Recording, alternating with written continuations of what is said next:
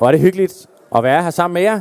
Jeg har glædet mig helt vildt meget til at være lidt tilbage for en kort stund. Jeg skulle hilse rigtig meget fra Anne og fra vores piger, som ikke er med desværre, øh, men som rigtig gerne vil være her. Jeg tror ærligt talt, at hun er ret misundelig over at få lov til at være her. Og ved I hvad? Øh, ja, altså jeg hedder Simon, jo, og er, øh, øh, har været med i den her kirke i rigtig mange år. Ved I hvad jeg kom til at, øh, at stå og tænke på lige før under lovsangen? Øh, kan man blende lyset lidt ned? Det var ikke det, jeg kom til at tænke på. Men kan man bare en lille... Det er fordi, jeg vil så gerne se jer, fordi jeg, jeg savner jer jo. Så jeg vil gerne kunne se jer lidt. Ja, ja, ja. Og de er rigtig søde i Aarhus ved os, men de er jo selvfølgelig ikke jer. Øh, og uh, det, det kan I nok godt indvilge i, at det er sådan, det er. Men ved I, hvad jeg kom til at tænke på under lovsangen? Jeg blev simpelthen så rørt, ikke bare, ikke bare uh, af Guds nærvær, men af, også af jeres nærvær. Altså, jeg ved ikke, jeg ved ikke om, I, om I tænker over, over det her så tit, når I er i kirke, men øhm, sådan et fællesskab som det her, et fællesskab, hvor folk øh, faktisk vil hinanden, og hvor folk vil Jesus, hvor vi kan stå og synge sådan nogle sange, som vi lige har sunget nu, som er øh, som handler om, at vi elsker Jesus. Vi vil være sådan et fællesskab, at det er så totalt privilegeret at være med i.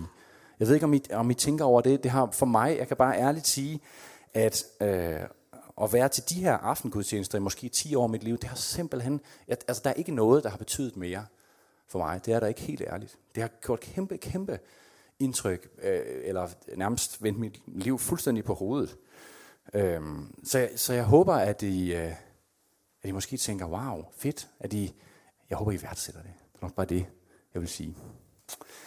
Øhm, vi flyttede til Aarhus for øh, snart et år siden, i december sidste år, og øh, vi kan rigtig godt lide Aarhus. Jeg vil bare sige, det er en virkelig fed by, der siger mange, der aldrig har været der.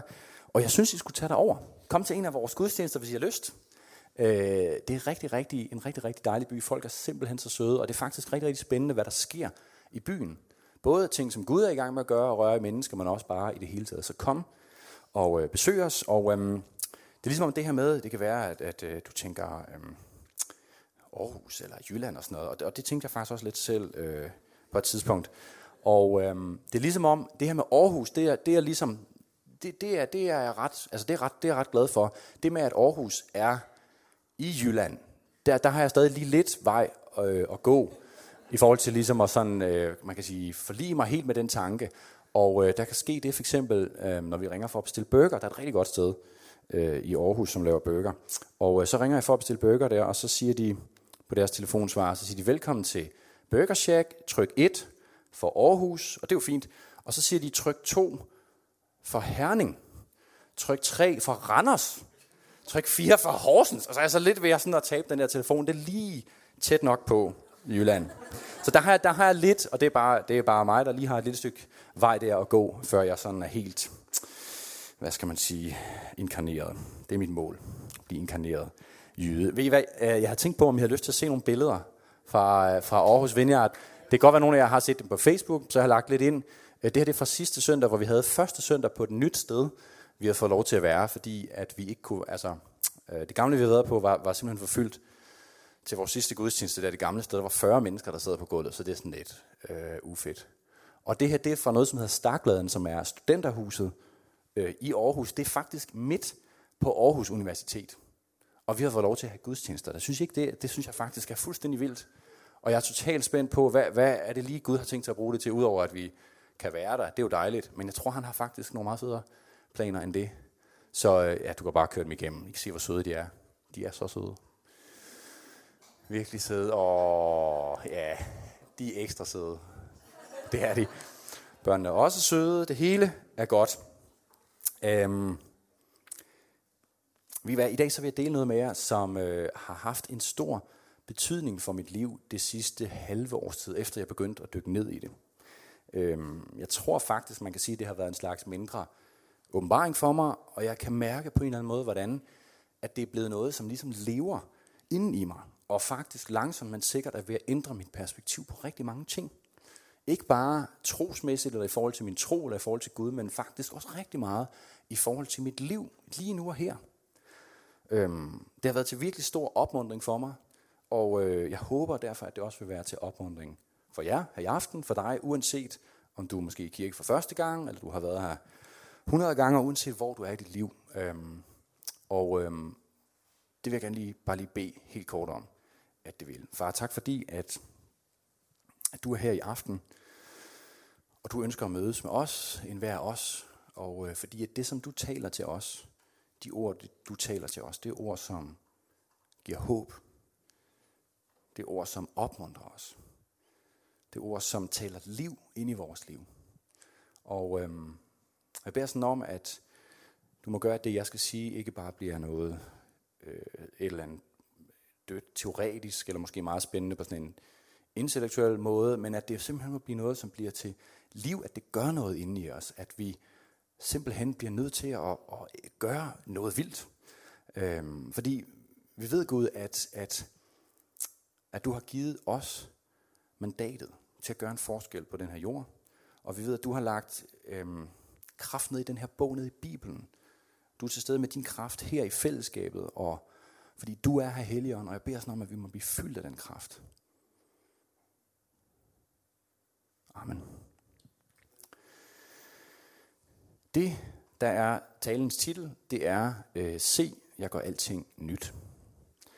Og øhm, den lille bitte kort sætning fra den sidste bog i Bibelen, fra det andet sidste kapitel i den bog, som hedder Johannes åbenbaring.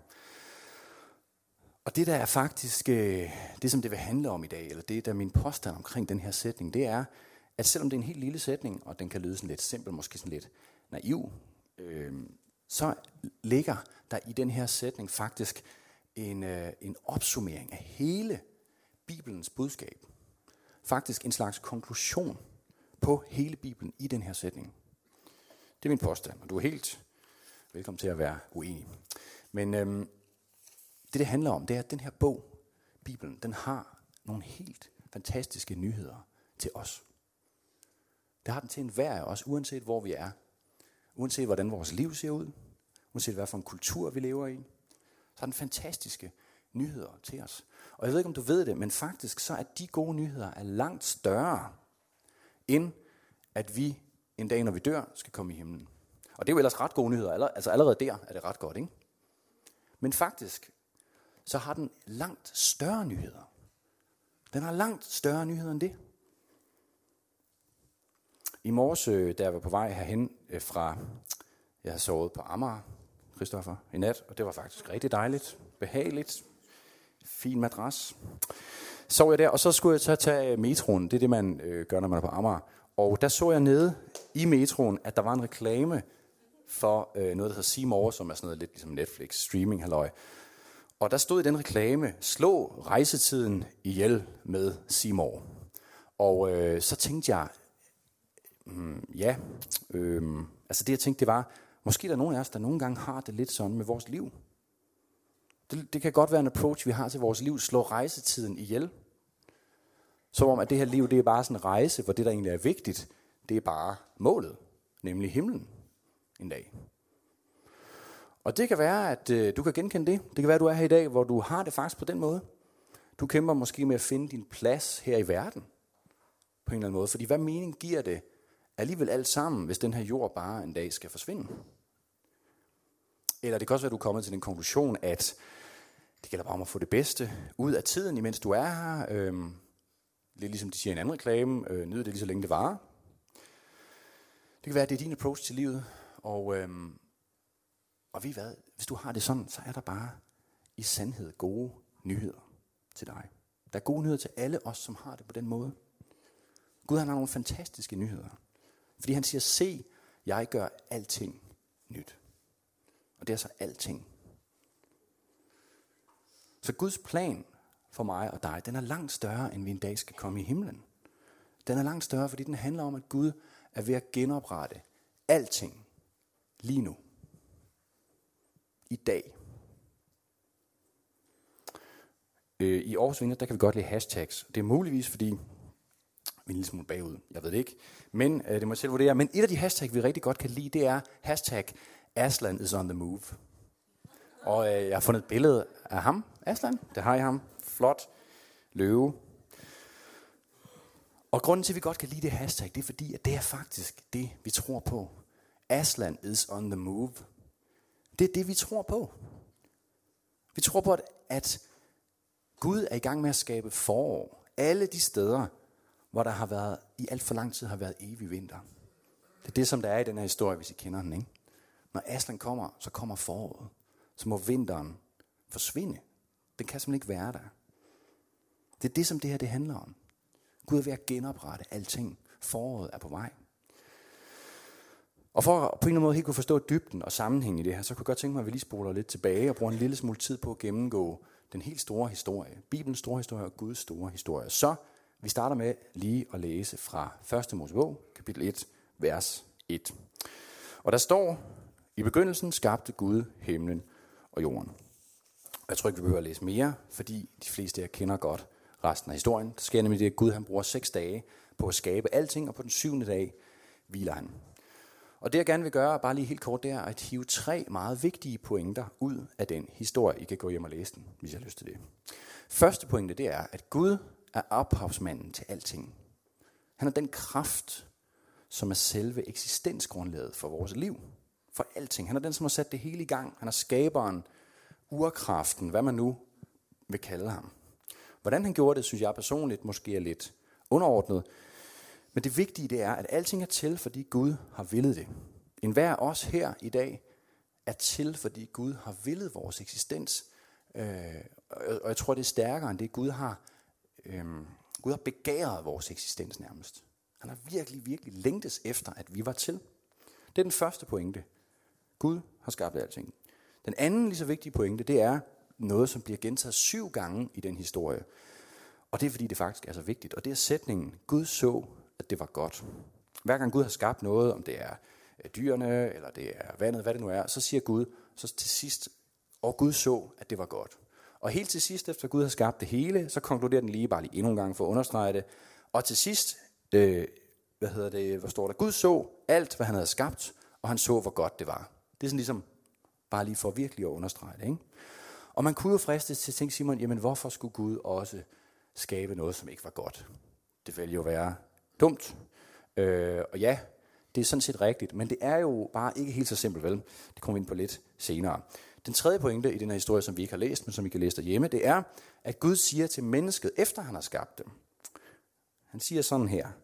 Og Gud velsignede dem og sagde, bliv frugtbare og talrige.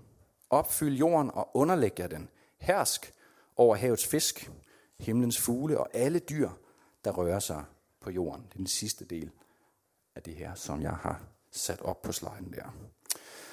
Så Guds intention er altså helt fra begyndelsen, at vi mennesker skal herske over skabningen. Og det, der er vigtigt at forstå ved det her, det er, at Guds forståelse og mening eller betydning af at herske, det er noget helt andet end det, som vi oftest forstår ved det. Fordi det handler nemlig ikke om at udøve magt, Lad mig bestemme på sådan en jeg bestemmer-agtig måde. Men faktisk så handler det om at forvalte, eller at hyrde noget. En hersker er derfor i bibelsk forstand en, som ligesom har fået betroet et kæmpestort ansvar, nemlig ansvaret for det, han har ansvar for. Ja, okay. I med. Og, og det han så øh, skal gøre med det, det er, at han så skal forvalte det på den allerbedste måde, ligesom varetage, øh, hvis, nu, hvis nu man er konge, eksempel, så skal man varetage sine borgers interesser og sørge for, at de har de bedst mulige betingelser for at leve et godt og fuldt liv. Og jeg synes på en eller anden måde, det allerbedste billede, man kan bruge på det, det er ligesom en gartner, som har ansvar for en have. Gartneren er jo den, der bestemmer, kan man sige, over haven, eller hersker over haven. Og han har til enhver tid mulighed for at ødelægge den have. Han har mulighed for at lade være med at give planterne noget vand, eller at, at klippe dem ned. Men han har også mulighed for at give de her planter de bedst mulige betingelser for, at de vokser for at de kommer til at gro, for at de blomstrer, for at de bryder ud i fuld flor og opnår deres fulde potentiale, bliver alt det, som de er skabt til at være. Så det er så den tredje pointe, at vi mennesker, vi er sat lidt ligesom gardnerne i haven i den her verden, for at få den her verden til at blomstre. Så altså de tre pointer. Gud skaber alting, nummer et. Øh, og alting er godt. Alting er godt, pointe nummer to. Og pointe nummer tre, derfor giver han eller derefter giver han så også mennesker ansvar for at forvalte skabningen, for at være garderne i haven. Og det er så her efter pointe nummer tre, at det går galt, ikke? fordi vi mennesker, vi klarer ikke det så godt vel. Vi formår faktisk ikke at forvalte det ansvar. Vi laver skov i alt det, som er godt. I stedet for at forvalte skabningen på en god og ansvarlig måde, så misbruger vi den til at tjene os selv. Så bruger vi den til at udnytte, og vi, vi fremhæver vores egne interesser. Og i vores egoisme, så, øh, så formår vi dybest set ikke at elske andet end os selv. Og derfor så ødelægger vi vores relation til hinanden, vi ødelægger vores relation til resten af skabningen, og vi ødelægger vores relation til Gud, til skaberen. Men Gud har en plan, fordi han opgiver os ikke. Vel? Han lader os ikke sejle vores egen sø, selv om vi er ved at køre det hele i LORT. Faktisk tværtimod. Det, som er rigtig, rigtig vigtigt at forstå i det her, det er, at Gud, han kasserer ikke bare verden, selvom vi mennesker har kørt den helt af sporet. Gud, han visker ikke bare tavlen ren og starter forfra. Det kan være, at nogen af jer kan huske den mærkelige historie om Noah i det gamle testamente. Det er en, ja, en mærkværdig fortælling. Og i den historie, der er menneskers ondskab blevet så stor, at Gud næsten opgiver håbet for menneskeheden. Så kun Noah og hans familie overlever den her syndflod, som kommer. Men pointen, den vigtige pointe i den historie, den kommer til sidst, hvor Gud sætter regnbuen på himlen som et tegn, og samtidig kommer han med det løfte, at han aldrig igen vil udrydde alt levende på grund af menneskenes ondskab. Se, Gud han lider ikke af sådan en forbrug og smid væk mentalitet. Gud er ikke medlem af Saber-generationen, vel? Gud han har skabt en verden, som han elsker. En verden, som er god. Vi læser det syv gange i skabelsesberetningen. Han har lagt al sin egen godhed, sin egen kærlighed, sin egen kreativitet ned i den her verden. Ned i os. Ned i dig og i mig. Og han elsker den her verden. På trods af, at den på overfladen ser ud til at være mislykket. Så Gud han kunne ikke drømme om at ødelægge den verden, som han selv har skabt. Som er god og som han elsker. Så Gud er ikke i nedrivningsbranchen. Gud er i genoprettelsesbranchen. Det er det der pointen. Gud er ikke i nedrivningsbranchen. Gud er i genoprettelsesbranchen. Så det Gud gør, i stedet for bare at vise tavlen ren, det er, at han går ind i sit eget skaberværk. Skaberen bliver en del af sin egen skabning for at genoprette alt det, som er gået i stykker indefra. For at kalde mennesker tilbage i relation og harmoni med sig selv og med hinanden og med resten af skabningen. For at bringe helbredelse der hvor der er brudhed og sygdom, for at bringe forsoning, der hvor der er had og fjendskab. Og en ting er, at i Jesus, igennem hans liv her på jorden, at han viser os en helt ny og radikal måde at leve på. Øh, men faktisk, i hans død og opstandelse, der sker virkelig noget. Fordi i Jesu opstandelse, der kickstarter han genoprettelsen af hele skabningen. Igennem Jesu død og opstandelse, der begynder Guds store genoprettelsesprojekt for alvor. Og det er det, som Bibelen kalder for den nye skabning. Det er et begreb, som kun er nævnt to steder i Bibelen faktisk. Det her, den nye skabning. Og et af stederne, der lyder det sådan her i Korintherbrevet. Altså, er nogen i Kristus, er han en ny skabning. Det gamle er forbi, se noget nyt er blevet til. Og Johannes, som var en af Jesu disciple, han forstod, han forstod virkelig det her. Prøv en gang at høre, hvordan han skriver i indledningen til Johannes evangeliet. Der skriver han, i begyndelsen var ordet, og det er Jesus, der er ordet. Og ordet var hos Gud, og ordet var Gud. Han var i begyndelsen hos Gud. Alt blev til ved ham, det vil sige skabt ved ham. Og uden ham blev intet til af det, som er. Og lidt senere står der, og ordet blev kød og tog bolig i blandt os, og vi så hans herlighed, en herlighed, som den enborgne har den fra faderen, fuld af noget og sandhed. Og det, der er det pussy ved den her passage, det er, at Johannes han begynder den helt bevidst på præcis samme måde, som skabelsesberetningen begynder. Johannes skrev på græsk, og første Mosebog er skrevet på hebraisk, men der er ikke nogen tvivl om, at det er præcis den samme formulering, han bruger. I begyndelsen skabte Gud himmel og jorden, og i begyndelsen var ordet.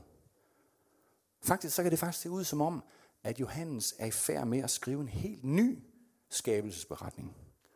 Og jeg tror, at det er faktisk præcis det, han er. Johannes han beskriver i det her, hvordan alting i første omgang blev skabt ved Jesus, ved ordet. Alt blev til ved ham. Og samtidig så beskriver han også, hvordan den nye skabning bliver til ved ham.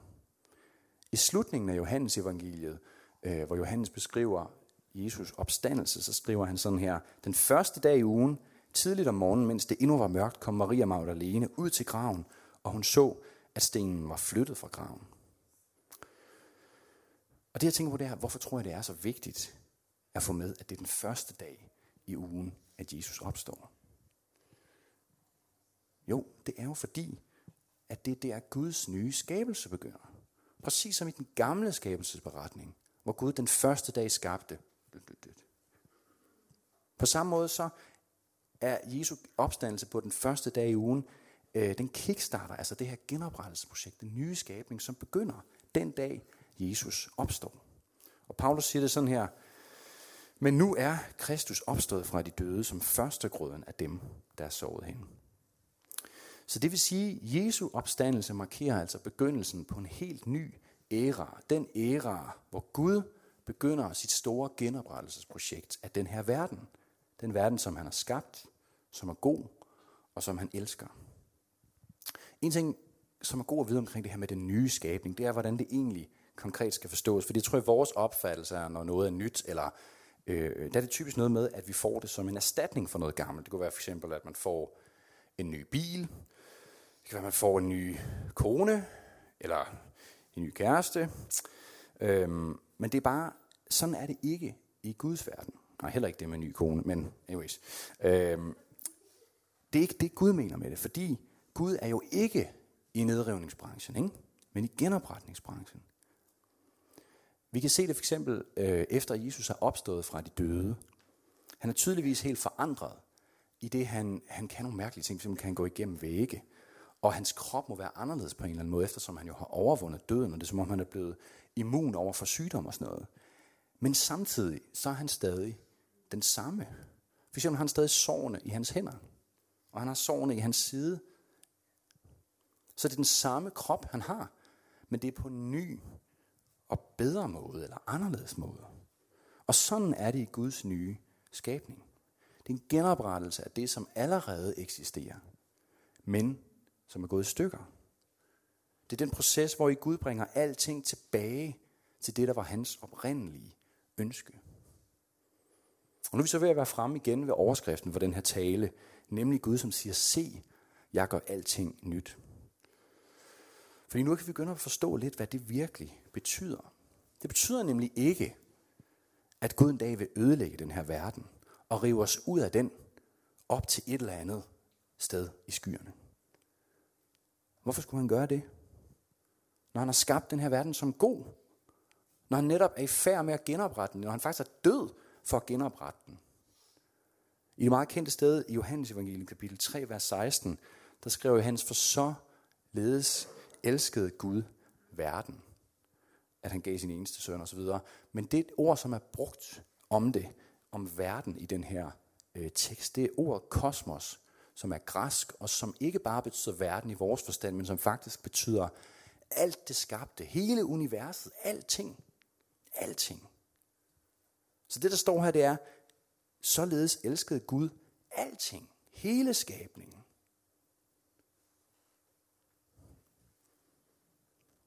N.T. Wright, som øh, nogle af jer måske kender, som er en meget respekteret øh, teolog, han siger sådan her, The resurrection is the reaffirmation of the goodness of creation.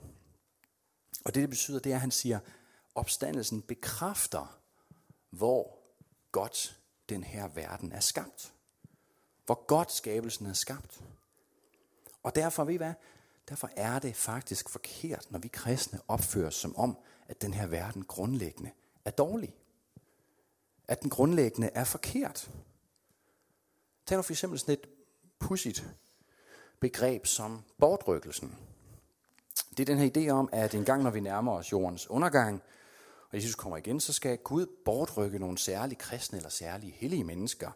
Øh, jeg, ved, jeg ved ikke, hvor præcis han skal rykke dem hen til, men øh, det kan man så tænke over. Og, men det jeg gerne vil have lov til at sige her i dag, det er, at jeg vil gerne lægge fuldstændig afstand til det begreb. Jeg lægger afstand til begrebet bortrykkelsen, fordi jo, det er en meget sjov historie, og man kan lave nogle tv-serier, som er mere eller mindre sjove om det, nok mindre i virkeligheden, men konceptet bortrykkelse, det er faktisk så langt fra en bibelsk forståelse, som man overhovedet kan være. Hvorfor i alverden skulle Gud rykke os ud af den her verden, som han har skabt til os, og som han er død for at genoprette? Jeg tror, det kommer helt tilbage fra den græske tankegang, som man kalder for gnosticisme. Og det bygger på ideen, at den her verden er forkert, at den er beskidt på en eller anden måde, at den er ufuldkommen i forhold til en anden, ligesom højere, øh, ophøjet, perfekt verden. Men den her tankegang er faktisk på ingen måde bibelsk. To andre klassiske begreber, vi lige kunne hygge os lidt med, det kunne være himlen og frelse. Øhm, jeg tror, at mange har den idé om frelse, at det handler om at blive reddet fra den her verden. Altså ligesom blive hapset ud af den her verden, fordi uh, den er så, det er noget værd noget. Den, det går ikke. Den er fuldt af rådenskab. Og så op i himlen, et sted, hvor alting er godt. Men i Bibelen, så er den her verden jo Guds verden. Og det er en god verden. Så frem for at være frelst fra verden, så er vi i virkeligheden frelst til verden. Faktisk så siger Bibelen utrolig lidt om himlen, i hvert fald øh, på den måde, vi typisk bruger det navn på. Du kan prøve at gå hjem og lave et studie på det. Næsten, eller jeg tror faktisk alle steder, hvor Jesus omtaler det, der er det i den danske oversættelse omtalt, eller der er brugt begrebet himmeriget. Men det, som han siger, når man kigger på grundteksten, det er faktisk Guds rige. Det er det begreb, han bruger. Og hvordan var det nu med Guds rige? Jo, Jesu hovedbudskab var jo, Guds rige er kommet nær. Og han lærer os i fader vor at bede, at Guds rige må komme her.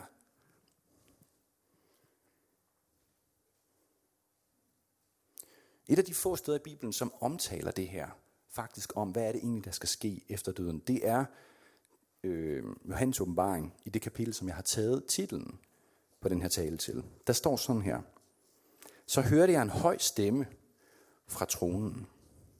Se, Guds bolig er nu hos menneskene. Han vil bo sammen med dem, og de skal være hans folk. Han vil tørre hver en tårer af deres kind, og der skal ikke længere være død eller sorg, skrig eller smerte. Alt det gamle er forbi. Han, der sad på tronen, sagde, se, jeg gør alting nyt. Og læg mærke til det, der står her, det er jo ikke, at nu skal menneskenes bolig være hos Gud. Nej, nu skal Guds bolig være hos menneskene. Og N.C. Wright han siger sådan her, For the early Christians, the resurrection of Jesus launched God's new creation upon the world, beginning to fulfill the prayer Jesus taught his followers that God's kingdom would come on earth as in heaven. From this point of view, as I have often said, heaven is undoubtedly important, but it's not the end of the world. Det er sjovt, ikke? Can we, can we, it's, heaven is important, but it's not the end of the world. Ja, ja, ja, ja okay. okay. Vi, vi er lidt vågne stadig. Et andet sted, så siger han sådan her. Jesus' resurrection is the beginning of God's new project, not to snatch people away from earth to heaven, but to colonize earth with the life of heaven.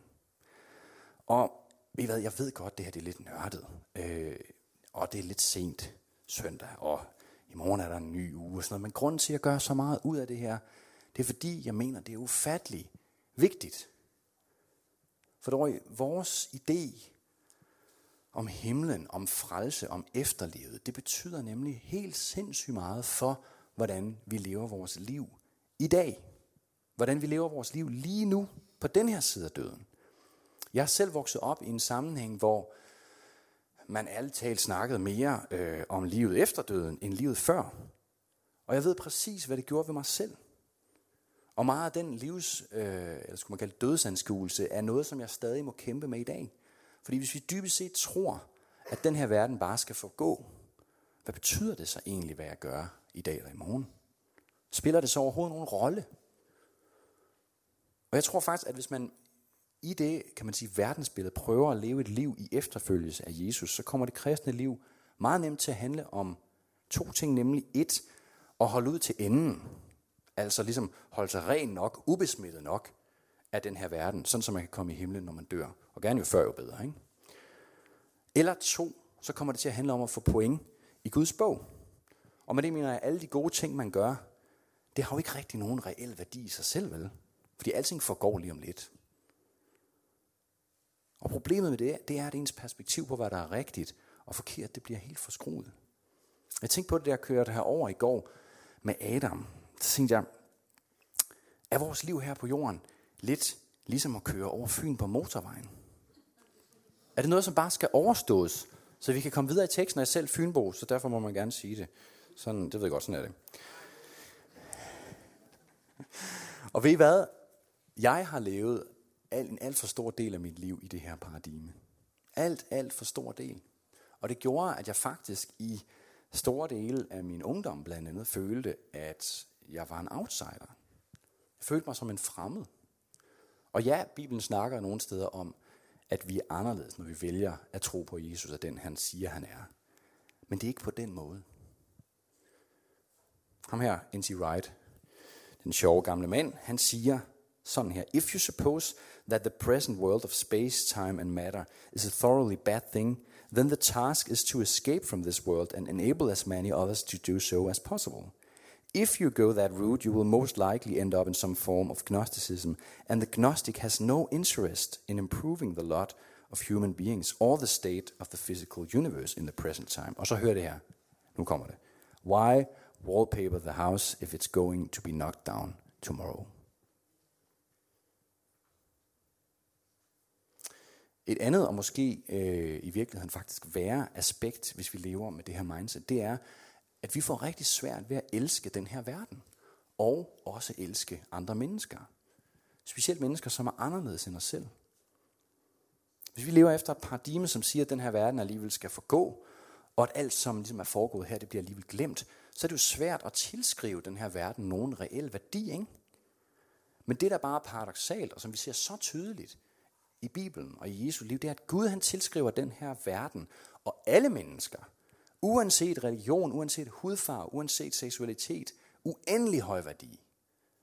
Han tilskriver os alle sammen uendelig høj værdi, så høj værdi, at han er død for at genoprette den her verden, for ikke at miste den. Jeg tror ikke, Gud han ønsker, at et gram af den her verden går fortabt, for han har skabt den. Han har skabt den til os, og han har skabt den til sig selv.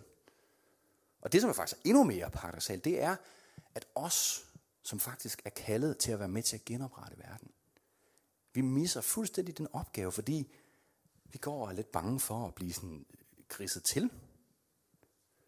Eller vi går måske rundt i en totalt misforstået opfattelse af, at det gør alligevel ikke nogen forskel.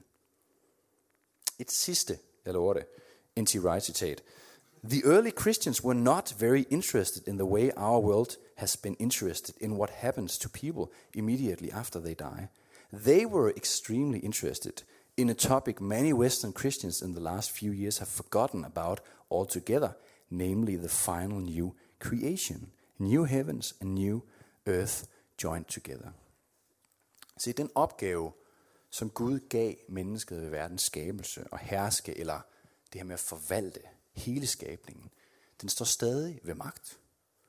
Eller rettere sagt faktisk, den står igen ved magt. Fordi på grund af Jesu liv, død og opstandelse, så er Guds rige kommet nær.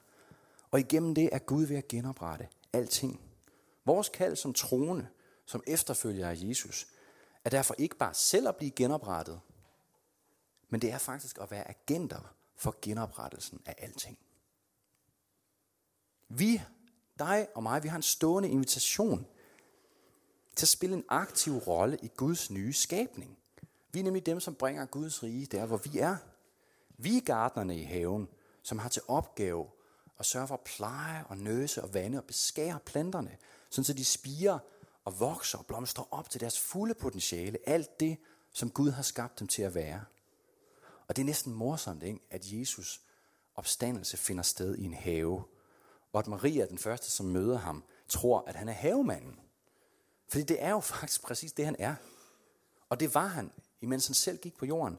Men nu har han givet mandatet og kraften videre til os. Fordi vi er hans efterfølgere. Og hvilket mandat? Vores kald som efterfølgere af Jesus, det er at gøre ligesom ham og tage aktiv del i Guds nye skabelse. Være agenter for genoprettelsen af alting.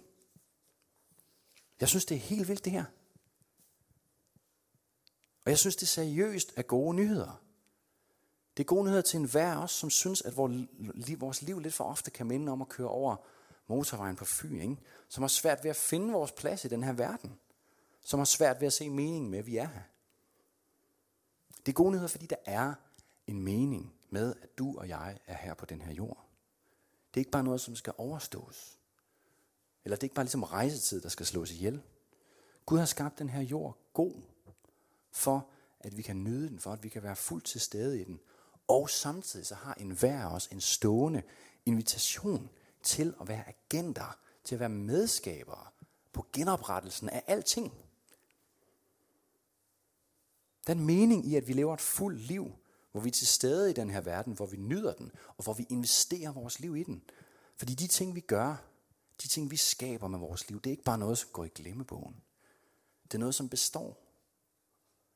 Jeg tror en dag, når vi skal gå rundt på den nye jord, eller hvad, hvordan det nu kommer til at være, så kommer vi til at gå rundt og snakke, fortælle historier om, hvad det var, der skete. Lige nu.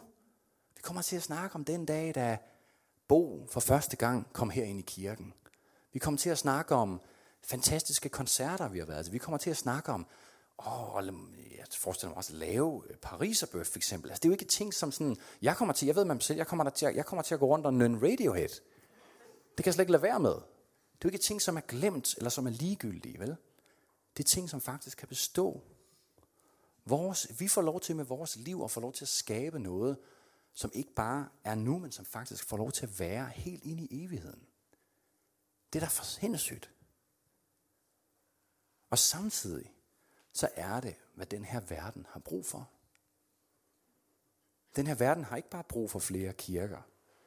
Det har den også. Men endnu mere end det, så har den brug for, at der efterfølger af Jesus, som dig og som mig, som bringer hans liv, hans håb, hans kærlighed, hans genoprettelse ud til alle områder og aspekter af livet.